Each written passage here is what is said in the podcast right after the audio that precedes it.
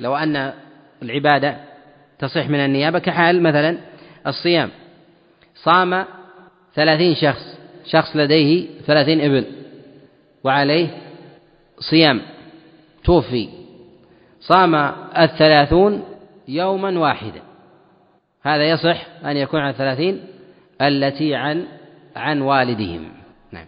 إذا طرأ النية الرياء على شيء لا ينفك عن وجوب الصلاة وركنيتها وشرطها فهي باطلة. أما إذا كان ينفك فإنها لا تبطل وهو يصلي يصح. هذا قد جاء عن أنس بن مالك. نعم. بسم الله الرحمن الرحيم والحمد لله رب العالمين والصلاة والسلام على المبعوث رحمة للعالمين وعلى آله وصحبه ومن تبعهم بإحسان إلى يوم الدين. قال المؤلف رحمه الله تعالى وعن عائشة رضي الله عنها قالت قال رسول الله صلى الله عليه وسلم من أحدث في أمرنا هذا ما ليس منه فهو رد. في حديث عائشة عليه رضوان الله تعالى في الصحيحين من حديث القاسم عن عائشة عليه رضوان الله قال رسول الله صلى الله عليه وسلم من أحدث في أمرنا هذا ما ليس منه فهو رد.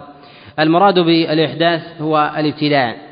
وذلك أن الله جل وعلا قد أكمل لهذه الأمة الدين.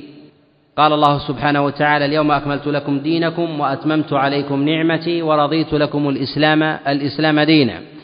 فلما تم الدين بهذه الآية وكملت النعمة وهي نعمة الإسلام فما زاد عن ذلك مما يقصد به الإنسان تعبدا لله جل وعلا فهو من الإحداث وهو مردود مردود عليه. وكونه أعني هذا العمل مردودا عليه يعني أنه لا يتقبل ويأثم بذلك إذا كان قاصد الإحداث وبين له أنه أنه بدعة. وأما إذا ابتدع الإنسان عملا واستفرغ وسعه في تتبع الحق ولم يأته بيان فإن العمل يكون حابطا ولا يعاقب على إحداثه ذلك. وربما يثاب لما في قلبه من محبة قلبية للتعبد على لا لذات العمل. لا لذات العمل. لأن العمل هذا ليس من دين الله. في شيء. فلا يثاب على شيء على شيء منه. وإنما يثاب على ما في قلبه على ما في قلبه من ميل وحب لي للتعبد لله جل وعلا. وقوله عليه الصلاة والسلام من أحدث أيا كان سواء كان عالما أو جاهلا أو صغيرا أو كبيرا أو ذكرا أو أنثى أو أي هو مردود عليه. والمرد في ذلك هو إلى ذات الأمر. ولهذا قال عليه الصلاة والسلام من أحدث في أمرنا يعني أن أمرنا قد تم وكمل فيجب أن يرجع إلى أمرنا فيما دل عليه الدليل من ثبوت ذلك. والدليل إنما ثبت في حال الأمر هو من الكتاب والسنة ولا مصدر ولا مصدر في في هذا إلا الوحي من كلام الله عز وجل وكلام رسول الله صلى الله عليه وسلم. وما عدا ذلك فإنه بحاجة لأن يحتج يحتج له لا أن يحتج به. وإنما قال عليه الصلاة والسلام في أمرنا هذا يعني أمر الدين. وأما ما كان من أمر الدنيا فإن للإنسان أن يحدث فيه ما يشاء شريطة ألا يخالف شيئا مما مما أمر الله جل وعلا به أو نهى عنه. فإذا خالف فإنه يكون من الأمور المحظورة بحسب قدر المخالفة في أبواب الأوامر من من الوجوب والفرض والاستحباب وكذلك في أبواب النواهي من التحريم من التحريم والكراهة. وفي قوله عليه الصلاة والسلام فهو رد يعني مردود عليه لا يكون تشريعا ولا يكون مقبولا. أي لا يقتدى به في عمله ذلك ولا ولا يرفع ذلك العمل ولا يتقبل. ولهذا قال عليه الصلاة والسلام في من لا يستجيب الله جل وعلا له كما جاء في صحيح الإمام مسلم من حديث أبي هريرة قال فأنى يستجاب له فهذا الرجل قد تعبد لله جل وعلا بعبادة شرعها وطلب القبول لكنه قد منعه شيء خارج عن ذلك. فكيف الذي يتعبد لله جل وعلا بعبادة لم يشرعها أصلا؟ فإنها لا تقبل لا تقبل على الإطلاق. والمراد من ذلك هو بيان خطر البدعة و وعظمها عند الله جل وعلا وهي أحب لإبليس من المعصية. وذلك أن المعصية يتاب منها بخلاف بخلاف البدعة. وإنما يتاب من المعصية أن الإنسان إذا فعل المعصية يفعلها على الأغلب وهو يعلم أنه مخالف في ذلك بخلاف البدعة فإنه يفعلها وهو متعبد لله جل وعلا. ولهذا نرى كثيرا من الخلق من يقعون في المعاصي ويتوبون بخلاف المبتدعة الذين فعلوا ذلك إحداثا في دين الله. ثم أن البدعة يشرب في قلب الإنسان حبها الذي يمارسها ويكثر منها بخلاف بخلاف المعصية فإن الإنسان يفعلها ما وجدت فيه الشهوة إليها. فإن زالت تلك الشهوة ورجع رجع وآب وتاب إلى الله سبحانه وتعالى بخلاف تلك البدعة تبقى مستديمة لو لم يستطع الإنسان أن يفعلها. فإن الإنسان إذا كان يصلي صلاة إحداث ولو شل أو أقعد فإنها تلك تصبح تدينا في قلبه لا تزول إلى إلى أن تقبض روحه. ولهذا جاء عن النبي عليه الصلاة والسلام من طرق متعددة أن صاحب البدعة لا يتقبل الله منه توبة كما رواه الإمام أحمد والطبراني وغيرهم وقد جاء من طرق متعددة يشد بعضها بعضا. قال عليه الصلاة والسلام ما تقبل الله لصاحب بدعة توبة؟ سئل الإمام أحمد عليه رحمة الله عن ذلك فقال أي لا يوفق للتوبة أي أن الإنسان في الغالب إذا فعل فعلا لله جل وعلا لا يتوب منه فمما يتوب لأنه يرى أن هذا الأمر دين. ولهذا إبليس يحب المعصية يحب البدعة أكثر من المعصية باعتبار أنها أقوى من جهة الاستدامة وأقوى من جهة من جهة الانتشار في الناس بخلاف المعصية. فإن الإنسان إذا كان صاحب بدعة فإنه يدعو إليها راغبا في الأجر بخلاف صاحب المعصية الذي يفعل المعصية فإنه يرجو الإقلاع ولا يدعو عليه ولا يدعو إليها. وهذا وهذا في الأغلب. كذلك فإن لها أثر في القدح في أصل الدين وهو الإسلام. بخلاف المعصية في الأغلب فإن أثرها على كمال إيمان الإنسان ونقصانه ومتعلقة في أبواب الفروع الفروع, في الأغلب. كذلك أيضا من الوجوه التي تعظم فيه البدعة على المعصية أن البدعة تأتي بأختها من أبواب من أبواب القياس بخلاف بخلاف المعصية. فإن الإنسان إذا وقع في معصية فإنه يكون ملازما لها لا يتعداها في الأغلب فيبقى عليها إلى إلى أن يتوب.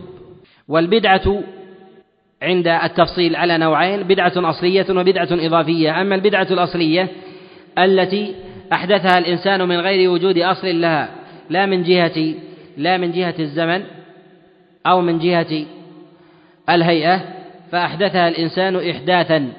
فيقال في هذه البدعة أنها بدعة أصلية كالذي مثلا يخص الليل بصيام ولا يصوم النهار فيمسك مثلا من من غروب الشمس إلى طلوع الفجر.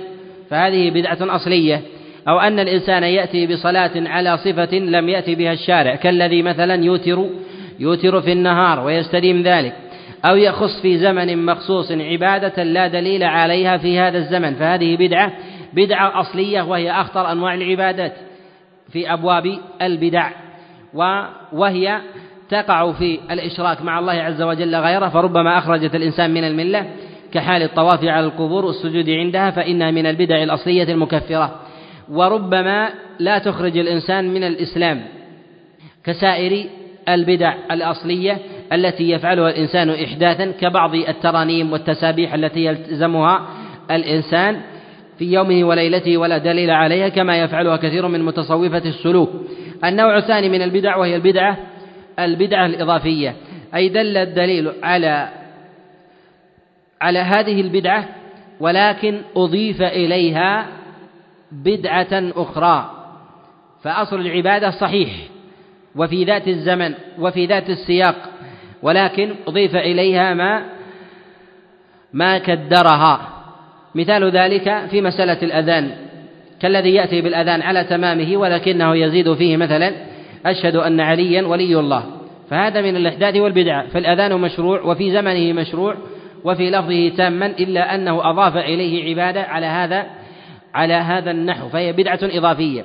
كذلك الرجل الذي يؤدي الصلوات الخمس على نحو مشروع ولكنه يذكر ذكرا لا دليل عليه ويلتزمه في ذات العبادة فصلاته صحيحة وعمله مشروع في ذات الوصف والوقت ولكنه قد زاد فعلا فيها وأضاف إليها فكان محدثا وهذا لا أثر له في إبطال العبادة فالعبادة صحيحة وذلك العمل لا يتقبل. أما البدعة الأصلية فهي مردودة مردودة مردودة من من أصلها باعتبار أن البدعة الإضافية في الأغلب أن ما أضيف يعتبر يعتبر منفكا عما عما أضيف أضيف إليه. والبدعة قد اعتنى بها العلماء عناية بالغة ولهذا يذكرها أهل العلم في مسائل العقائد كثيرا ومنهم من صنف في ذلك مصنفات كالبدع لأبي شامة وكذلك الطرطوشي وكذلك أيضا للبدع لابن وضاح وغيرها من المصنفات. جمعوا بدعا أحدثت في زمانهم وهي لا تزال وما تزال تزيد في الأمة. فإذا ماتت بدعة أحيت بدعة أخرى وتقاومها السنة والعلم. فإذا ظهر العلم في الناس فإنه يضمحل حذئين الجال ويتبعه في ذلك أيضا اضمحلالا البدع والمحدثات. أما المعاصي والذنوب فإنها لا أثر لها في مقام العلم. فإن الإنسان قد يكون عالما ويعرف أن حكم الله جل وعلا في هذه هذا الأمر أنه حرام لكنه يكذب ويغتاب ويشهد الزور ونحو ذلك مع علمه بخلاف بخلاف البدعة. إذا علم الإنسان أنها بدعة محدثة فإنه لا لا يفعلها فلا صلة للمعصية مع العلم وأما مع وجود العلم فإنه تضمحل تضمحل البدع وبه يعلم أهمية العلم في مقاومة الإحداث في دين الله جل وعلا. نعم. نعم. إذا كان الدليل محتمل أو فعله أحد الأجلة من الكبار من الصحابة كعبد الله بن عباس مثلا وعبد الله بن عمر ولا دليل على ذلك ومرده في ذلك الدليل فإنه لا يوصف الفاعل بالابتداع ويوصف الفعل بالبدعة فيقال مثلا أن التعريف بعرفة في غير عرفة بدعة ولا نقول لمن فعله أنه مبتدع باعتبار أن ورد دليل في ذلك إما أن يكون له حكم الرفع وهذا الحكم ظني وإما أن يكون وإما أن يكون ذلك الدليل ضعيف وضعفه يسير وأخذ به بعض العلماء وإذا ترجح لدى الشخص عدم ورود الدليل في هذا ويقطع بذلك فيصف الفعل ولا يصف الفاعل. في شيء؟ سؤال. يقول هنا تقسيم البدعة على أقسام على أحكام التكليفية. من بدعة واجبة وبدعة مستحبة ونحو ذلك. وأصل ذلك ما جاء عن عمر بن الخطاب عليه رضوان الله تعالى في صلاة التراويح في قوله نعمة البدعة. وهذا المراد من ذلك أنها بدعة في ذلك الوقت الذي هو فيه مع وجودها في السابق مع وجودها في السابق. وحينما نصف الفعل بأنه بدعة لا نعني أنه ابتدع من الزمن على الإطلاق ولا وجود له في سائر العصور. وإنما نعني أنه لا يوجد في عمل الناس المقصود والأصل المقصود به الشرع. وقد يراد به الزمن. فمن أحدث عبادة لا وجود لها في الإسلام وإنما ثبت التعبد فيها في شريعة موسى وعيسى من العبادات وفعلها هل نصفه بالبدعة؟ نصفه بالبدعة والإحداث في دين الله ونقصد بذلك ونقصد بذلك أنه أحدثها في دين الإسلام وإن وجدت قبل ذلك ولهذا عمر بن الخطاب عليه رضي الله تعالى أراد أنها محدثة في عمل الناس الذي هو فيه لأن النبي عليه الصلاة والسلام امتنع عن جمع الناس خشية أن تفرض عليهم يعني صلاة التراويح.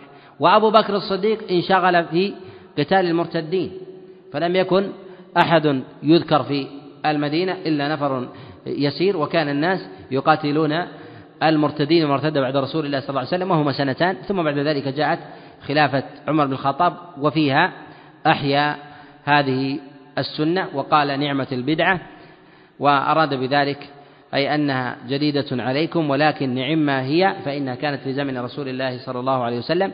أما تقسيم البدع على هذا فإنه غير صحيح. تقسيمها على أقسام التكاليف أنها مباحة ومستحبة ونحو ذلك من جهة النظر واردة. وأما من جهة المزاحمة مزاحمة النص والتقعيد الشرعي فإنها ليست بسائغة. نعم نعم. الضابط ضابط البدعة هو الإحداث.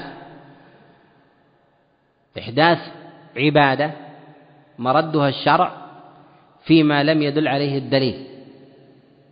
سواء كانت بدعة أصلية أو بدعة أو بدعة إضافية. كفاية في سؤال أخر نعم. لماذا؟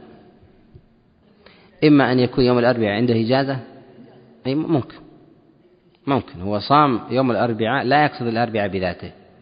ولكن لا يوجد عنده إلا إجازة في مثل هذا اليوم. أو مثلا يقول له الطبيب لا بد أن تأكل الدواء نهارا إلا يوم في الأسبوع. فهو يريد أن يصوم. وهذا اليوم يوافق مثلا يوم ثلاثاء ولا دليل على صيام الثلاثاء عن النبي عليه الصلاة والسلام. فيصوم هذا يقال أنه ما قصد هذا اليوم ولكن هي الفرصة التي فيها يتعبد الله عز وجل. كحال الإنسان مثلا الذي يكون لديه يكون لديه عمل في الليل كأصحاب الحراسات يعملون في الليل ولا يستطيع قيام الليل إلا ليلة من الأسبوع.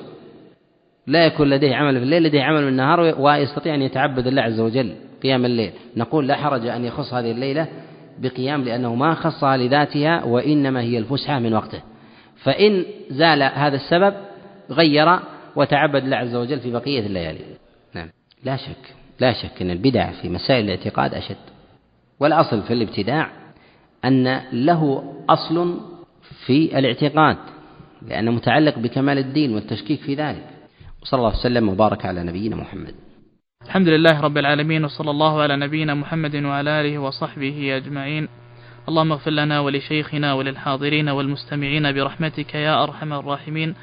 قال المصنف رحمه الله تعالى وعن الشعبي عن النعمان بن بشير قال سمعته يقول سمعت رسول الله صلى الله عليه وسلم يقول وأهوى النعمان بإصبعه إلى, أذن إلى أذنيه إن الحلال بين وإن الحرام بين وبينهما أمور مشتبهات لا يعلمهن كثير من الناس فمن اتقى الشبهات استبرأ لدينه وعرضه ومن وقع في الشبهات وقع في الحرام كالراعي يرعى حول الحمى يوشك أن يقع فيه. ألا وإن لكل ملك حمى. ألا وإن حمى الله محارمه. ألا وإن في الجسد مضغة. إذا صلحت صلح الجسد كله وإذا فسدت فسد الجسد كله. ألا وهي القلب. الحمد لله رب العالمين وصلى الله وسلم وبارك على نبينا محمد وعلى آله وأصحابه ومن تبعهم بإحسان إلى يوم الدين. أما بعد فحديث النعمان بن بشير عليه رضوان الله هو من الأحاديث الكلية ومن جوامع جوامع الكلم والأحكام. قول رسول الله صلى الله عليه وسلم الحلال بين والحرام بين. الحلال مشتق من الإحلال. حل فلان في كذا إذا نزل إذا نزل به. أي أن الله جل وعلا بين بين أمره فسمي حلالا أي مباحا. والحرام ما حرمه الله جل وعلا وبين وبين منعه. والدليل في وهذا دليل على أن الأصل في أحكام الشريعة البيان وأن ما يخرج عن ذلك هو شيء يسير ليس بمطلق المتشابه. وقوله عليه الصلاة والسلام الحلال بين والحرام بين أي أنه لا يشتبه ذلك من جهة البلاغ.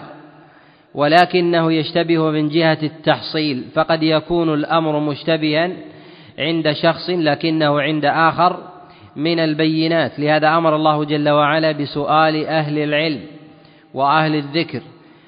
قوله عليه الصلاة والسلام وبينهما أمور مشتبهات الصحيح من ألفاظ البخاري وبينهما أمور مشبهات وأما مشتبهات فليست في شيء يصح من ألفاظ من ألفاظ البخاري وبينهما أمور مشبهات فمن اتقى الشبهات فقد استبرأ لدينه وعرضه.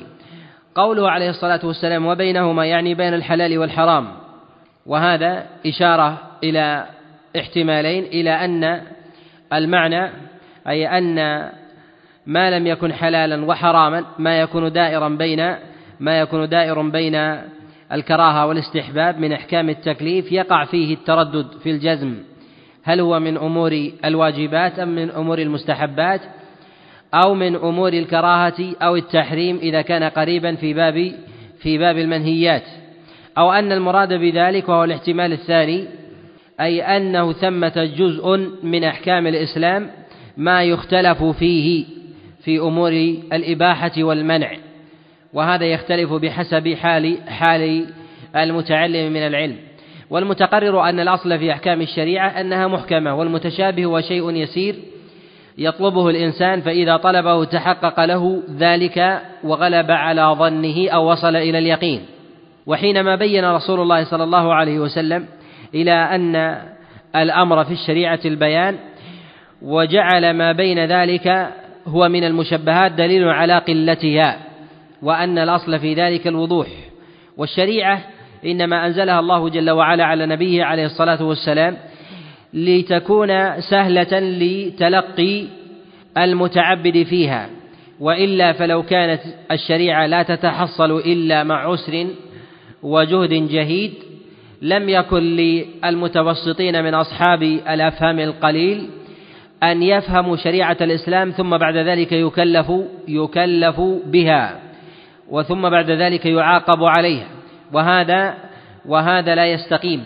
بل إن شريعة الله جل وعلا جاءت ليفهمها أصحاب الفهوم مع تباين إدراكهم ويخرج من ذلك النزر اليسير ممن دخل في أبواب ضعف العقل ممن به ضرب جنون ونحو ذلك أو به غلبة سفه ونسيان أو من العوارض الأهلية التي تأتي تأتي الإنسان وتغلب عليه في فترة دون أخرى أو يغلب عليه من جهة حاله فهذا مستثنى وليس بداخل في عموم في عموم الخطاب. واختلف العلماء في المشتبهات التي أشار إليها رسول الله صلى الله عليه وسلم. هل هي مشتبهات مطلقة أم أنها مشتبهات عارضة؟ فهل في الشريعة شيء مشتبه على الإطلاق؟ لا يعلمه أحد لا عالم ولا متعلم ولا جاهل. أم أن ذلك نسبي يعني بحسب أحوال الناس. ذهب أكثر العلماء إلى أنه لا يوجد في كلام الله عز وجل شيء مشتبه على الإطلاق وإنما هو الشبهة تكون عارضة أو نسبية بحسب حال بعض الناس. ومن العلماء من قال أنه يوجد مشتبه مطلق. وربما مثلوا ببعض ما جاء في كلام الله جل وعلا مما لا يعلم تأويله, تأويله إلا الله سبحانه وتعالى كمثل الحروف المقطعة في أوائل السور. ولهذا ما جاء في ذلك عن رسول الله صلى الله عليه وسلم منكر أو موضوع من البيان ويكون ما ورد فيه من أقوال السلف كالصحابة والتابعين إنما هو من أبواب الاجتهاد. والخلاف الوارد في هذا عن السلف الصالح بعضه من خلاف التضاد وبعضه من خلاف التنوع. وهو محتمل. يدل على أن هذا من مواضع المشتبه وهو محتمل. لكنه لا يتعدى النزر اليسير عند من قال أنه من المشتبه من المشتبه المطلق.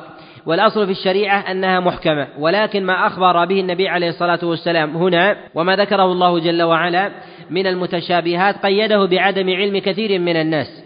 ولهذا قال عليه الصلاة والسلام وبينهما أمور مشتبهات لا يعلمهن كثير من الناس. أي أن بعض الناس يعلم يعلم هذه الأحكام. فلما كان بعض الناس يعلم هذه الأحكام وجب على أهل الجهل أن يسألوا. وهذا نسبي فقد يتحقق العلم عند عالم متبحر في الشريعة ولكنه في بعض الأبواب يكون عنده من المتشابهات ويعلمه من دونه. حينئذ يكون الأمر نسبي وليس على الإطلاق مضطرد عند عند سائر أهل الفهوم والإدراك. وهذا يتباين بحسب مسائل الإسلام. والأصل أن من تحقق فيه العلم أنه لا يعذر في المسائل الكلية وأعلام وأعلام الشريعة والأمور الظاهرة ويعذر فيما دون ذلك وذلك على مراتب معدودة من ما يتعلق بحداثة الإنسان في الإسلام كما جاء عن أصحاب رسول الله صلى الله عليه وسلم في قولهم ونحن حدثاء عهد بالكفر ومنها ما يتعلق بذات المسألة المجهولة وتباين حالها فما كان من أعلام المسائل الأصول الكلية يختلف عن دقائق الإسلام.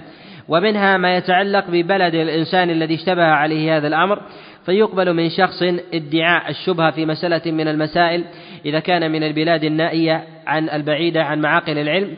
ولا يقبل هذا في المساء في البلاد القريبة من من العلم والوحي. فلا بد من النظر إلى هذه الأحوال عند تحقق ادعاء الاشتباه. وهذا له أثر فيما يتعلق في أمور العبادات وله أثر فيما يتعلق في أبواب العقوبات وله كذلك أثر فيما يتعلق في مسائل في مسائل صحة العقود والأنكحة ونحو ذلك. فمن ادعى زواج امرأة بشبهة ولا تحتمل منه هذه الشبهة لا يصح نسبة هذا الولد الذي تولد من ذلك النكاح له بل يجعل ذلك من أبواب الزنا إذا كانت تلك الشبهة شبهة باطلة. وتقبل هذه الشبهة ممن كان نائيا عن بلاد المسلمين ولو كان مسلما إذا ادعى أنه يظن أن هذا الأمر على هذا فينسب له الولد فله أثر في أبواب النكاح وله أثر أيضا في أبواب العقود والفسوق وله أثر في أبواب الحدود والتعزيرات. وربما يكون له أثر أيضا في أبواب الفرائض والمواريث وغيرها من مسائل من مسائل الدين. وفي هذا حث على البحث عن مسائل المشتبهة والتماسها من الأدلة وعند أهل العلم وهذا ظاهر في قوله عليه الصلاة والسلام لا يعلمهن كثير من الناس أي أنه ينبغي لهذا الكثير أن يطلب ذلك عند أهل العلم والمعرفة. قال عليه الصلاة والسلام فمن اتقى الشبهات فقد استبرأ لدينه اتقى الشبهات أي جعل بينه وبينها حائلا وهذا الحائل هو بالبعد بالبعد عنها. والبعد عنها بأن يدع الإنسان ما لا بأس به خشية أن يقع مما به فيما به بأس. فهذا هو هو الورع أن يتورع الإنسان في الأمور المشتبهة. والاشتباه يقع في أمور الإباحة إذا اشتركت أحيانا مع الكراهة وهي أقرب إليه. وكذلك في مسائل الكراهة مع التحريم وفي أبواب الإيجاب مع الاستحباب فإن الإنسان في مثل هذا يغلب جانب التحريم لنفسه ولا ولا يفرضه على أحد حتى يتضح الدليل. كذلك أيضا في مسائل الإيجاب مع مع مسائل الاستحباب. وكأن رسول الله صلى الله عليه وسلم جعل أمور الإباحة هنا فيما يتعلق بمسائل الفعل بالإطلاق ما يتعلق بالحث على سبيل التأكيد وهو الإيجاب وما يتعلق أيضا في الحث على سبيل على سبيل عدم التأكيد والإلزام. كذلك أيضا فيما يتعلق في أمور الحرام في قوله والحرام بين مما يجب على الإنسان أن يبتعد أن يبتعد عنه. وفي هذا إشارة إلى تغليب مسألة التحريم على مسألة على مسألة الأمر. وهذا شبيه بما جاء عن رسول الله صلى الله عليه وسلم في الصحيح من حديث أبي هريرة قال إذا نهيتكم عن شيء فاجتنبوه وإذا أمرتكم بشيء فاتوا منه ما استطعتم فعلق الاستطاعة بالأمر وما علق الاستطاعة في النهي فقال فاجتنبوه ولم يقل قدر المستطاع وأما النهي وأما الأمر فإنه على قدر المستطاع لأن الأمر يقتضي كلفة وعملا والكلفة والعمل تتعلق بطاقة الإنسان بخلاف النهي فإن الإنسان إذا انتهى عن فعل يقع على سائر أحواله فهو مخاطب به الإنسان سواء كان سواء كان قوي الجسد صحيح البدن أو كان أشلا. فمن أش فمن كان أشلا داخل في عموم الخطاب فيلزم منه تحقق النية. إذا فيدخل فيه الناس في سائر مراتبهم بخلاف الفعل. فإن الفعل يدخل فيه الإنسان صحيح البدن ويدخل فيه الإنسان ولو كان أشلا قيد الأمر بالاستطاعة. فإن عدم الاستطاعة عارض على الأوامر أكثر من عروضه على مسألة النواهي فإن الإنسان يطلق في أكثر أحواله ممسك لا يفعل بخلاف الإقدام فإنه فاعل فاعل آه، بقدرته واستطاعته. قال عليه الصلاة والسلام فمن اتقى الشبهات يعني الذي تقدم الإشارة إليها فقد استبرأ لدينه وعرضه. استبرأ يعني طلب البراءة والسلامة من أن يقع أحد في دينه وعرضه. مسألة الدين والوقيعة فيها هي متعلقة وخاصة بأمر الله جل وعلا أي أن الإنسان لا يحاسب على ذلك لأن هذا من العتبات الموصلة إلى المحرمات. فمن وقع في الشبهات يقع في الحرام. فإذا استبرأ لدينه بعدم بترك بتركه لهذه الشبهات وهذه المكروهات فإنه حينئذ يتبرأ من الوقوع في الحرام ويسلم له دينه ولا يسطر له ولا يسطر عليه في دينه من المآثم شيء. وفي قوله عليه الصلاة والسلام وعرضه أي أنه يسلم له من الوقوع من وقوع الناس في عرضه بالسب والشتم والتعيير والثلب وغير ذلك من وقوع الإنسان في الكذب والغيبة والنميمة كذلك القرب من مواضع السوء ونحو هذا. ولو كان الإنسان قلبه في ذلك طيبا فينبغي للإنسان أن يحترز من ذلك حتى حتى لا يقع الناس في عرضه. وفي هذا إشارة إلى ما تقرر في الشريعة إلى تعظيم جانب الوازع بالطبع وتعظيم قدره في بعض الأحيان على وازع على وازع الشرع. وهذا له نظائر في كلام الله عز وجل وكلام رسول الله صلى الله عليه وسلم. فإن وازع الطبع إذا وجد واستقر في النفوس لم يأتي من تأكيد الشريعة من النهي عليه. لهذا جاء النهي عن شرب الخمر ولم يأتي النهي عن شرب البول وأكل التراب والعذرة ونحو ذلك لأن الطبع منتف عنها. مع ورود الضرر في الجسد عليها أكثر من الضرر الذي يرد على الإنسان من الخمر. فلما كانت النفس مع وجود الضرر البالغ في ذلك تعافوا هذا الأمر لم يأتي النهي على ذلك. ولم يأتي نص صريح صحيح عن رسول الله صلى الله عليه وسلم في هذا المعنى إلا بتقعيدات عامة لا ضرر ولا ضرار بخلاف ما ربما تتشوف إليه بعض النفوس بعض النفوس. فنهى النبي عليه الصلاة والسلام عن شرب الخمر وما يلحق وما يلحق في ذلك. لهذا أقر الشارع أمر وازع الطبع في نفوس في نفوس البشر وهذا ظاهر في كثير من الأحكام. لهذا مثل الله جل وعلا في في مسألة الوصية فأقرها وساقها في سياق المثال وصية الوالد لولده فإنها من أمور الطبع. أما وصية الابن لولده دون ذلك ولهذا نص عليها نص عليها في القرآن. وقد أشار إلى هذا ابن القيم عليه رحمة الله تعالى في كتاب إعلام الموقعين وأشار إلى أن الشارع حرم القطرة من الخمر ولم يتطرق لإقامة وإقامة الحد عليها بالجلد كحال من شرب الخمر وسكر ولو لم يسكر بهذه القطرة. لأن لأنه قال عليه الصلاة والسلام قال ما أسكر ملء الفرق منه فملء الكف منه حرام. فلو شرب الإنسان قطرة أو ملء الكف أو دون ذلك فإن الإنسان بهذا يقام عليه الحد. أما من شرب المكاييل الكثيرة من البول فإنه لا يقام عليه الحد لأن هذا من الأمور العارضة ولو كان الضرر عليه أكبر ولأن النفوس تتشوف إلى هذا ولو كان قليلا. لهذا النصوص في الشريعة جاءت إلى الحد الأدنى جاءت إلى الحد الأدنى مما مما لا يتحقق فيه وازع الطبع وتجردت مما يعضده وازع الطبع. ولهذا في الشريعة منع الشارع من الخلوة بالمرأة والسفر وسفر المرأة ولو مع الصالح العابد الزاهد إذا كان ليس بمحرم لها. وأجاز الشارع لولي المرأة ولو كان فاجرا كافرا زنديقا أن يسافر بامرأته ولا تعاقب المرأة على فعلها إن كانت مؤمنة.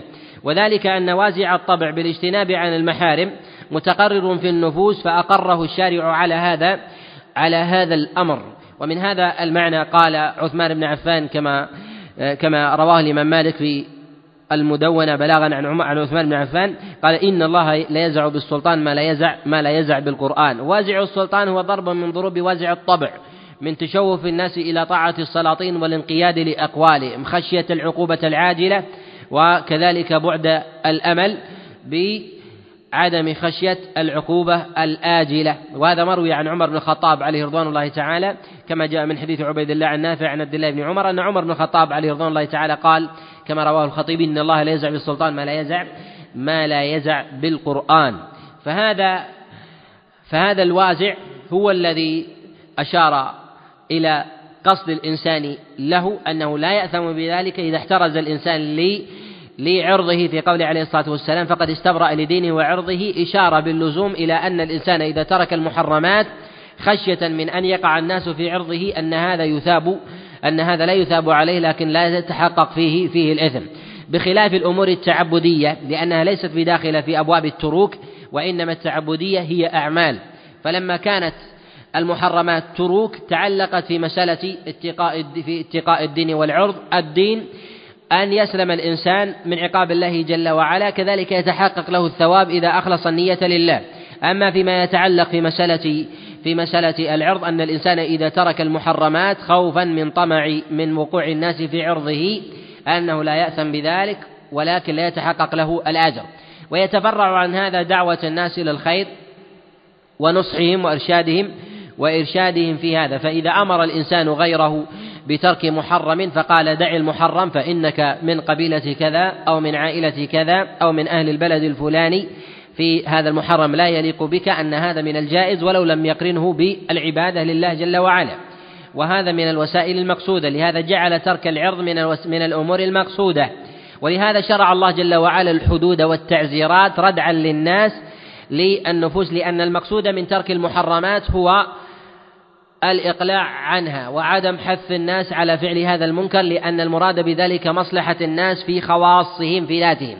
بخلاف الأمور التعبدية فهي متعلقة بمعادهم والثواب والعقاب على هذا الأمر فلا بد من الإخلاص. لهذا لا يسوغ لآمر بالمعروف ونهي عن المنكر أن يقول لأحد من الناس صلي الصلوات الخمس لأنك من البلد الفلاني. أو صلي الصلوات الخمس لأنك من قبيلة كذا فإن هذا ليس بسائغ حتى يقرن ذلك أو يقدم عليه الوصية بالإخلاص لله جل وعلا والامتثال لأمره سبحانه وتعالى. لهذا قال عليه الصلاة والسلام فمن اتقى الشبهات فقد استبرأ لدينه وعرضه وشبه رسول الله صلى الله عليه وسلم في هذا الاتقاء بشيء من الأمور الحسية كما هي عادته عليه الصلاة والسلام ببيان أحكام الشريعة بشيء من أمور الحس. حينما بين رسول الله صلى الله عليه وسلم مسألة الصراط المستقيم والخطوط التي عن يمينه وشماله كذلك في مسألة الإسلام وأنه كالبناء وكذلك تشبيه المؤمنين بأنهم كالجسد الواحد. وإذا اشتكى منه عضو تداعى له سائر الجسد بالحمى والسهر. وكذلك المؤمن للمؤمن كالبنيان يشد بعضه بعضا. فمثل ذلك ب بعدة أمثلة. مثل هذا رسول الله صلى الله عليه وسلم بمثال حتى يقرب حتى يقرب من إدراك الناس. فقال كالراعي يرعى حول الحمى يوشك أن يواقع. ومعنى هذا أن الإنسان إذا إذا كان يرعى في بماشيته ودنا من مواضع الحمى للملوك فإنهم يختارون لحماهم من الأراضي الخضرة التي يريدون اصطفاءها لأنفسهم ومواشيهم. فإن لها أطراف ليست منها قريبة منها فيها من العشب والكلأ مما هو دون ما هو السطة في محامي أو محميات الملوك. ولا والراعي يدنو من ذلك شيئا فشيئا خطوة خطوة حتى يقع في الحرام. ولو سئل الإنسان قبل وروده لهذا هذه الشبهات عما وصل إليه بعد نهايته. هل هذا الذي هذا المكان هو من حمى الملك؟ لقال قبل ولوجه أنه من حمى الملك. ولا يجوز أن أدخله لكن لما استرسل به خطوة خطوة فاستقر في ذاته بدأت الشبهة تسترسل معه حتى يظن أنه ليس ليس في ليس من حرام. لهذا الإنسان لا يمكن أن يتدرج إلى الحرام حتى يقع حتى يقع في المكروهات. وهذا معلوم فينبغي للإنسان ألا يترخص. ولهذا لا يمكن الإنسان أن يحترز من الحرام إلا بترك المكروه ولا يمكن أن يحترز من المكروه إلا بترك شيء من المباح. ومعلوم أن حدود حدود أو أطراف محميات الملوك هي من المكروهات والدنو منها من هذه الأطراف من المباحات. فإذا ابتعد الإنسان استبرأ لدنياه وبعد عن مواضع الخصومة والأذى. لهذا قال عليه الصلاة والسلام كالراعي يرعى حول الحمى يوشك أن يواقعه يعني لم يقع فيه لم يقع فيه. فإذا وقع فيه وقع في الحرام. وقال عليه الصلاة والسلام ألا وإن لكل ملك حمى ألا وإن حمى الله محارمه. في هذا دليل على على جواز تشبيه الأحكام الشرعية ببعض الأمور الحسية تقريبا تقريبا للأفهام وإيصالا للمعنى. وأن هذا من الأمور السائغة كما كان رسول الله صلى الله عليه وسلم يفعل ذلك. كذلك أيضا في قوله عليه الصلاة والسلام ألا وإن حمى الله محارمه أن الله جل وعلا وضع وضع ضوابط الشريعة في الأرض لمصلحة الناس. ونسب هذا الحمى له جل وعلا تعظيما وحماية لأحوال الناس. كذلك فيه بيان لضعف إدراك الناس فيما هو من صالحه.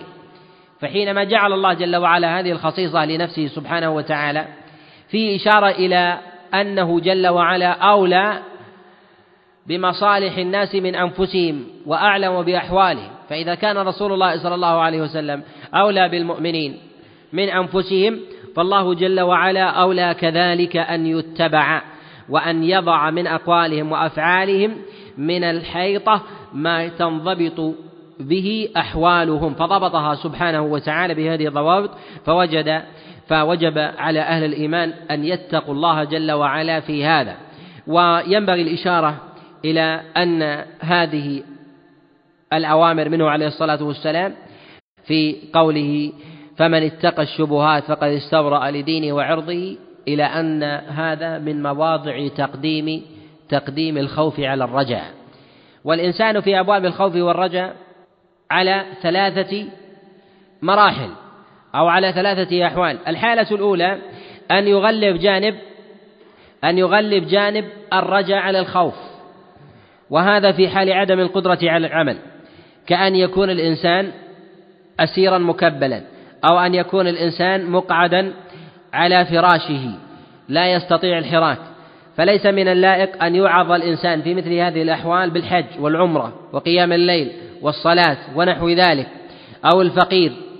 أن يؤمر بالصدقة ونحو ذلك ويبين ويبين خطر من لم يقدم لنفسه في لنفسه في هذا الباب. في هذا يغلب جانب الرجاء في هذه الأبواب. فإن الإنسان إذا غلب عليه جانب الخوف وهو في مرض مقعد لا يستطيع العمل وبين خطر من لم يعمل ولم يقدم لنفسه عند الله جل وعلا في هذا يقنط. يقنط وربما أيس من رحمة الله ففجر وتزندق وألحد. وهذا وهذا ظاهر مشاهد. لهذا في مثل هذه الحال يغلب يغلب الإنسان جانب الرجاء على جانب على جانب الخوف. كذلك أيضا عند الواعظ في مثل هذا أن يفرق بين بين الناس في مثل هذه الأمور. الحالة الثانية أن يغلب جانب جانب الخوف على جانب الرجاء. وهذا في مواضع الأمور المشتبهة على الإنسان في حال تردد الأمر بين الإباحة والحظر يغلب جانب الخوف وكذلك في باب التردد بين الإباحة والكراهة كذلك في مسألة الإباحة والاستحباب في مثل هذا يأخذ الحيطة في هذا إلا ما يتعلق في أمر في أمر العبادة فإن الاحتياط في العبادة هو الاستناد إلى نص شرعي إلى نص شرعي في هذا. الحالة الثالثة هي الاستقامة والتردد بين بين هذين فيكون الرجاء والخوف كالجناحين للطائر يكون بينهما الإنسان. وهذا في حال استقامة الإنسان في صحة بدنه وقدرته من غير ورود المتشابه يغلب لا يغلب هذا ولا ولا هذا. فإن غلب جانب الرجاء على الخوف فهو مرجئ وإن غلب جانب الخوف على الرجاء بإطلاق فهو حروري كما جاء عن بعض السلف. ومن عبد الله بالمحبة وحدها فهو فهو زنديق. وينبغي للإنسان أن تكون المحبة لله جل وعلا مصاحبة في سائر الأحوال والتي يمر بها الإنسان من هذه الثلاث. وأما جانب الخوف والرجاء فإنه يتردد مع الإنسان ويغلب جانبا على يغلب جانبا على جانب بحسب بحسب الحال. وقوله عليه الصلاة والسلام ألا وإن في الجسد مضغة. إذا صلح صلح الجسد كله وإذا فسدت فسد الجسد كله ألا وهي القلب. إشارة إلى عظم القلب وأثره على الإنسان وهذا قلب الإنسان لا يمكن أن يعتمد عليه الإنسان وظاهره فاسد ولا يمكن أن يدعي الإنسان على سبيل الديمومة بأن أن عمله صالح ولا يلتفت إلى إصلاح القلب بل لا بد من وجود شيء في القلب يستقيم معه يستقيم معه الظاهر. ومن ادعى صلاح الباطن مع فساد الظاهر فهو كذاب. فلا يمكن لإنسان أن يدعي أنه يسقي هذه الشجرة كل يوم وهي ميتة أو يابسة ونحو ذلك إلا لمرض في قلبها.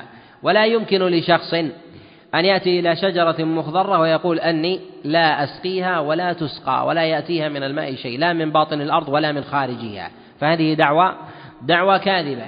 وأما الأمور المصطنعة فيمكن أن يتصنع الإنسان صلاحا ساعة يوما يومين ونحو ذلك لكن أن يكون صالحا على الاستمرار إلا من قلبه صالح.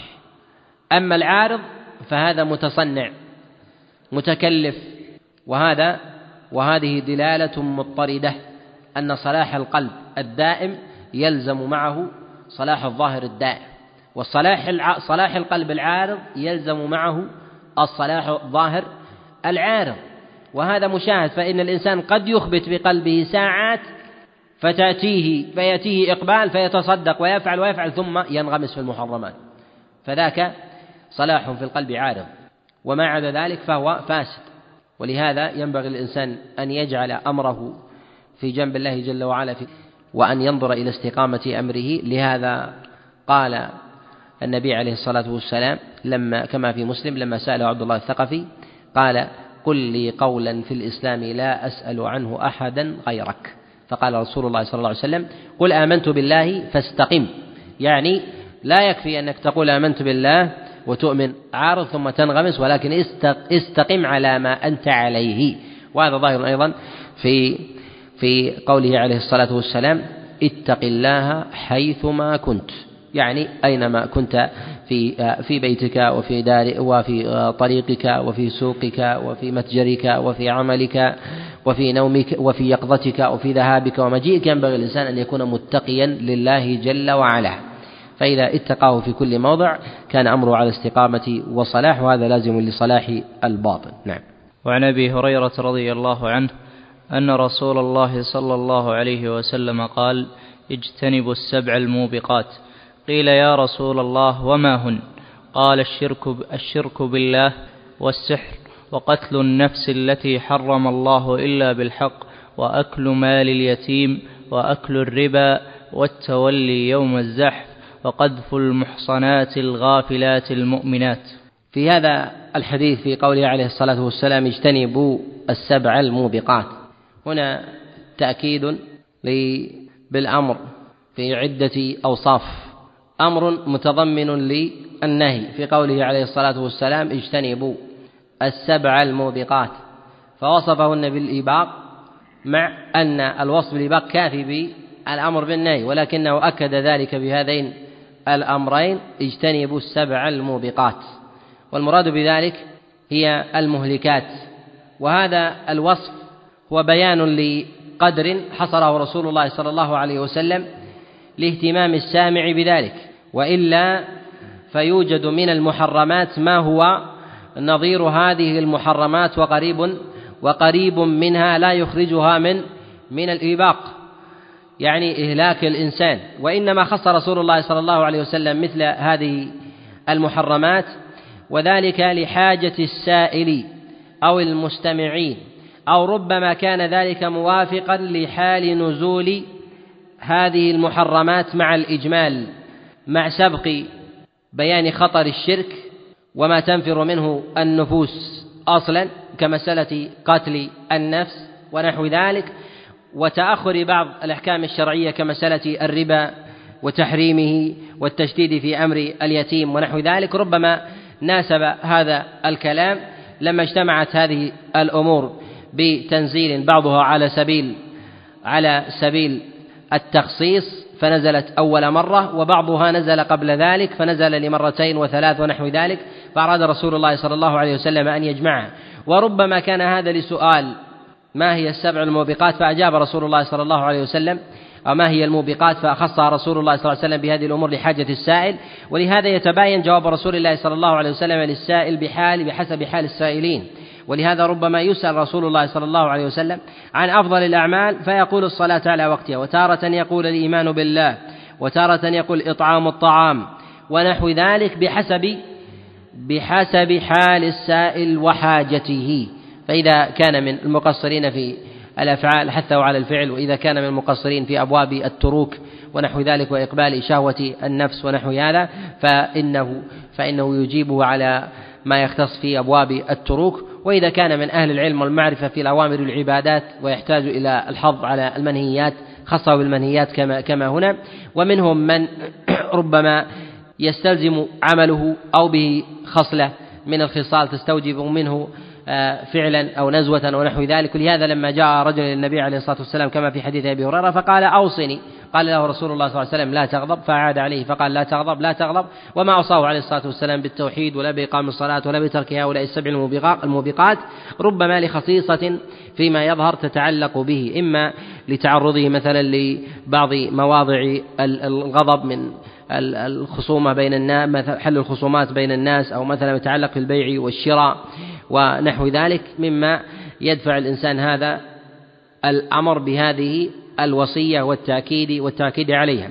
ولهذا ينبغي للإنسان أن يكون صاحب يقظة في حال السائل وأن يكون صاحب فراسة فيتنوع في حال الوصية وألا يجمل الوصية للناس على اختلاف أنواعهم بل ينوع ذلك بحسب أحوالهم كما نوع رسول الله صلى الله عليه وسلم. جعل النبي عليه الصلاة والسلام كما في غالب تحذيره الشرك في أوائل ما يحذر منه والأمر بالتوحيد في أوائل ما يأمر به. فالله جل وعلا قد بين أمر التوحيد وحذر من الشرك. فالنبي عليه الصلاة والسلام قد جعل التوحيد شريكا لأركان الإسلام مع ثبوته وتقرره في أركان الإيمان كما جاء في حديث عمر بن الخطاب لما سأله عن الإسلام. قال الإسلام أن تشهد أن لا إله إلا الله وأن محمد رسول الله. وهذا متضمن للتوحيد فسأله عن الإيمان قال الإيمان أن تؤمن بالله وملائكته وكتبه ورسله فأجاب بالتوحيد شريكا للأعمال الظاهرة وجاء به أيضا فيما يتعلق في الأمور الباطنة وهذا لبيان مقداره فالشرك بالله جل وعلا هو أخطر الذنوب على الإطلاق ويكفي أنه لا يأتي ذنب من الذنوب على سائر سائر طاعات الإنسان وحسناته إلا الإشراك مع الله جل وعلا غيره.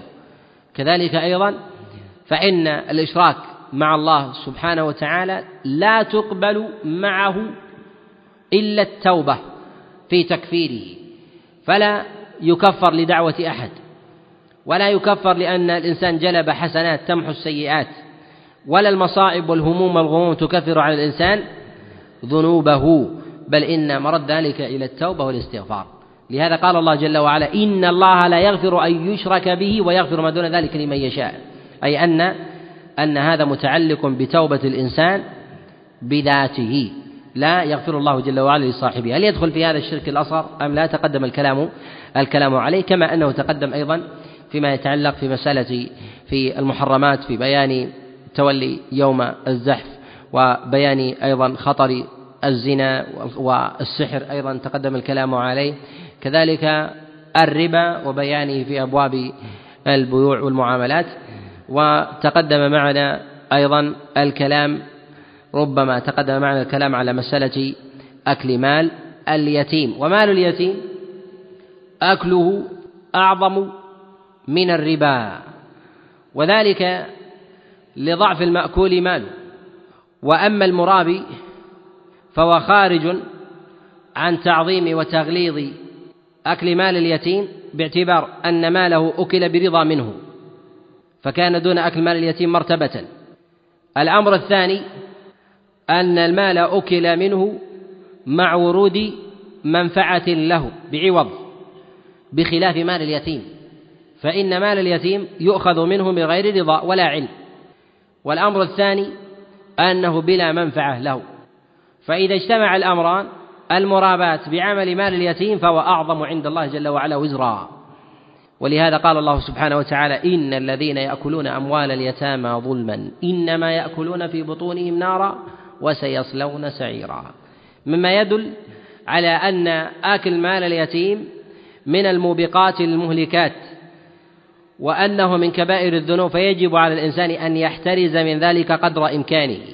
ويجوز لمن تولى أمر يتيم أن يأكل من ماله بالمعروف أن يأكل من ماله بالمعروف إذا احتيج إليه وألجئ إليه فيأكل بالمعروف من غير سرف ولا أن يسرع مسارعة قبل أن يكبر اليتيم فلا يستطيع أن يحصي ماله وأن يميز المأكول من عدمه. والربا ودون ذلك مرتبة ومعلوم أن ما حرمه الله سبحانه وتعالى من أموال الناس هو الربا. النوع الثاني هو الغرر. الغرر ويدخل في هذا الباب سائر أنواع المحرمات من المنابذة والملامسة وبيع الحصاة والقمار والميسر. داخل في أبواب الغرر. داخل في أبواب الغرر. وأما أمور الربا فهي الأمور المقننة المعروفة المضبوطة. فما فيه نوع جهالة فهو داخل في أبواب الغرر بجميع أنواعه. وما هو بمعرفة نظامه وحاله من الزيادة فهو داخل في أمور الربا وهذا مضطرد. ولهذا العلماء عليهم رحمة الله يجعلون الأموال المحرمة في هذين النوعين لا لا يخرجان منه. وهذا وهذا ظاهر لمن تأمل الأمور المنهية عن الأموال أو بعض المعاملات التجارية في سائر في سائر الأحوال. نعم. أحسن الله إليك. وعن المغيرة بن شعبة أن رسول الله صلى الله عليه وسلم قال إن الله عز وجل حرم عليكم عقوق الأمهات ووأد البنات ومنعا وهات وكره لكم ثلاثا قيل وقال وكثرة السؤال وإضاعة المال. هذا الحديث فيه عظم بر الوالدين وخطورة العقوق. وإنما خص رسول الله صلى الله عليه وسلم أمر الأمهات بالخصيصة لضعف جنس المرأة عن الرجل فإن الرجل يأمر وينهى وله القوامة بخلاف المرأة لهذا عظم شأنها. كذلك أيضا فإن الأم هي أولى بالبر من الأب ولهذا لما سئل رسول الله صلى الله عليه وسلم قال من أولى الناس بحسن صحبتي؟ قال أمك قال ثم من قال أمك؟ قال ثم من قال أمك؟ قال ثم من قال؟ قال ثم أبوك. وهذا يدل على أن الأم لها حقوق. وليس هذا المراد بهذا الحديث أن لها حقوق حقوق حقوق ثلاثة. وهذا ليس على ظاهره فإن التثليث الوارد في الحديث هو بيان عظم المقدار. ويغلب في استعمالات رسول الله صلى الله عليه وسلم ذكر الثلاث. سواء ما يتعلق بالتحذير من أمر أو حث على الأمر. فالنبي عليه الصلاة والسلام كثيرا ما يتكلم ما يتكلم ثلاثا ويفعل أيضا ثلاثا في بيان في بيان عظم الأمر. ولهذا بعض العامة يقول للأم ثلاثة حقوق وللأب حق واحد وليس المراد هذا وإنما المراد هو حق التعظيم للأم لما عانته من الحمل والفصال. ولهذا جاء عن رسول الله صلى الله عليه وسلم أنه قال الجنة تحت أقدام الأمهات وهذا وإن كان إسناده لا يصح لأنه يروى من حديث معاوية عن ابي عن رسول الله صلى الله عليه وسلم وفي إسناده جهالة لكنه جاء من وجه آخر من حديث أبي النضر عن أنس بن مالك عن رسول الله صلى الله عليه وسلم بنحوه واللفظ الثابت في ذلك إلزم رجليها فثم الجنة. وهذا يدل على عظم بر الأم على سبيل التخصيص والأب له حق كذلك. ولهذا قارن الله سبحانه وتعالى حقه بحق الوالدين وقضى ربك ألا تعبدوا إلا إياه وبالوالدين إحسانا. فأشرك حقه جل وعلا بحق الوالدين. وهذا دليل لأهمية دليل على أهمية ذلك وبيان فضله. وإنما جاء الجمع هنا في قوله عليه الصلاة والسلام عقوق الأمهات إشارة إلى عدة أمور. الأمر الأول لحاجة ربما بعض السائلين لوفاة آبائهم فإن الغالب في أحوال الناس أن الآباء يموتون قبل قبل الأمهات. فالأم من جهة الخلطة والحاجة تحتاج إلى ابنها أكثر من حاجة الأب. وهي ملازمة للابن أكثر من ملازمة الابن لأبيه. الأمر الثاني أن في حال النساء من الضعف ما لا يظهر من حال من حال الآباء. ولهذا ربما يتسلط الإنسان على أمه ولا يستطيع أن يتسلط على أبيه. وذلك لقوامة الرجل والندية ولو كان الابن شديد البطش والأب دون دون ذلك فإنه يأنف. كذلك فإن المرأة تحتاج إلى ولي وربما تولى عليها ابنها. ولكن الأب لا يمكن أن يتولى عليه ابنه إلا وقد فقد مع ذلك الأهلية. إلا فقد مع ذلك الأهلية بخلاف بخلاف الأم.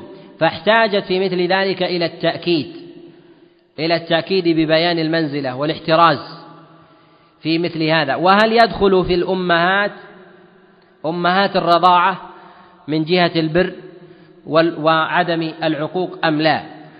هنا جاء عن رسول الله صلى الله عليه وسلم أنه قال يحرم من الرضاع ما يحرم من النسب.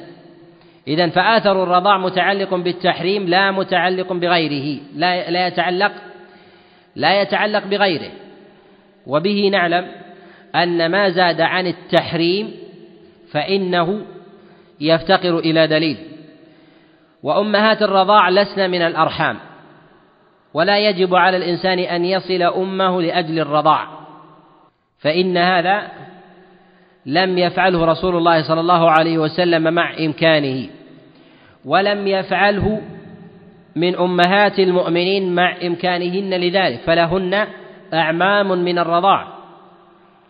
ولم يؤمرن بصلتهن ثم أن ثم إن الخبر عن رسول الله صلى الله عليه وسلم في قوله يحرم الرضاع ما يحرم النسب إشارة إلى التحريم لا الإدخال في سائر الأبواب. فلو كان يدخل ذلك في سائر الأبواب لجاء بلفظ عام أي أن الأم من الرضاع مثل الأم من النسب. فكانت المثلية حينئذ من جهة الحق وإنما قيد الأمر بالتحريم أي أنه النكاح وثبوت المحرمية. وأما ما عدا ذلك فيفتقر فيفتقر إلى دليل. فإذا كان هذا في الأمهات فإنه من باب أولى في الآباء من الرضاع كذلك أيضا في الإخوة والأخوات. ولكن له ولكن لهم حق الإحسان. ما الدليل على حق الإحسان في هذا؟ وحفظ المعروف. الدليل في هذا أن الله جل وعلا خفف عن أبي لهب. لأنه أعتق مرضعة رسول الله صلى الله عليه وسلم. وجاء في البخاري أن النبي عليه الصلاة والسلام قال يخفف عنه يعني عن أبي لهب في النار بقدر هذه وأشار رسول الله صلى الله عليه وسلم إلى إلى ما أسفل الإبهام يعني أنه يسقى بقدر هذه من الماء. لماذا؟ لأنه أعتق مرضعة النبي عليه الصلاة والسلام. وهذا له أثر على أن الرضاع وإن لم يكن مباشرا لمن تسبب به أنه أنه يستحق التكريم والإحسان وهو من سابقة المعروف في حال حاجة الإنسان إلى غيره. ولكن أن تكون من صلة الأرحام فلا ولكن هو من مكارم الأخلاق ورد المعروف والإحسان إلى الغير. وهذا حق قضاه الله جل وعلا عن نبيه عليه الصلاة والسلام في حق كافر فكيف في حق في حق مؤمن مباشر. ونهي رسول الله صلى الله عليه وسلم عن عقوق الأمهات ووأد البنات فيه إشارة إلى مسألة ضعف النساء في مقابل سطوة الرجل وقوامته مما ينبغي معه حفظ الحقوق. وكذلك أداء الواجب نحوها. ولهذا حرم رسول الله صلى الله عليه وسلم وأد البنات وخصهن بذلك لأن أهل الجاهلية يفعلون ذلك أنفة من من من الإناث وخجلا وحياء وهذا فيه معارضة لقدر الله سبحانه وتعالى لأن اختيار الجنين لا خيار للإنسان للإنسان فيه. وإنما هو من اختيار الله جل وعلا. فإذا كان الله سبحانه وتعالى إذا قدر المصيبة على عبده وهي مصيبة يكرهها ولم يذم الإنسان لكراهته ذلك أمره بالصبر. فكيف بشيء محمود لا يرغب الإنسان أو يرغب ما هو أولى منه؟ فهو مأمور بالرضا والتسليم ومحرم عليه التعدي على اختيار الله جل وعلا. كذلك ينبغي أن يعلم أن من النساء من تنفع وليها أكثر من الرجال. ولهذا رسول الله صلى الله عليه وسلم خصه الله جل وعلا بخصيصة أنه لم يبقى من عقبه إلا الإناث. لم يبقى من عقبه إلا الإناث. أما الذكور فما ولد رسول لرسول الله صلى الله عليه وسلم قبضه الله جل وعلا عاجلا. وهذه لحكمة عظيمة جليلة. لهذا كان عقب رسول الله صلى الله عليه وسلم الباقي من الإناث. وهذا الاختيار للنبي عليه الصلاة والسلام فيه إشارة لأن النبي عليه الصلاة والسلام لما كان بهذا المقام الرفيع واختار الله جل وعلا له الإناث ولم يجعل هذا الاختيار مع أحد من الذكور بل مع عدم أحد من الذكور يبقى دليل على أن هذا هذا الأمر لا يزيد الإنسان ولا ينقصه شيئا بل هو من أمر الله سبحانه وتعالى واختياره. فما اختاره الله جل وعلا لنبيه فينبغي للمؤمن أن يفرح به كما كان رسول الله صلى الله عليه وسلم يفرح بذلك. لهذا ينبغي أن يؤخذ ذلك على أنه من أمر الله جل وعلا وأسوة برسول الله صلى الله عليه وسلم واختيار الله جل وعلا له في هذا في هذا الأمر. ومن الحكم التي يذكرها العلماء في أن الله جل وعلا خص نبيه عليه الصلاة والسلام بالإناث عدم الذكور في عقبه. يبقى أن لدفع دافع الشر في قلوب بعض الناس من أن النبوة تورث.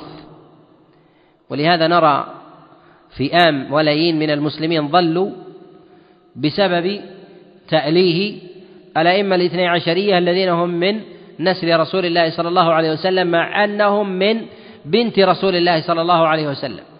وليسوا وليسوا من النبي عليه الصلاة والسلام. ومعلوم عند العرب أن أبناء البنات هي أبناء الرجال الأباعد. فكيف بأبناء البنين؟ فإذا كان من أبناء البنين فهي من صلب الرجل نسبا. ولهذا من ينتسب إلى آل النبي عليه الصلاة والسلام وينتسب لا يقول لي أنه من أبناء علي بن أبي طالب ولكن يقف عند الحسن والحسين.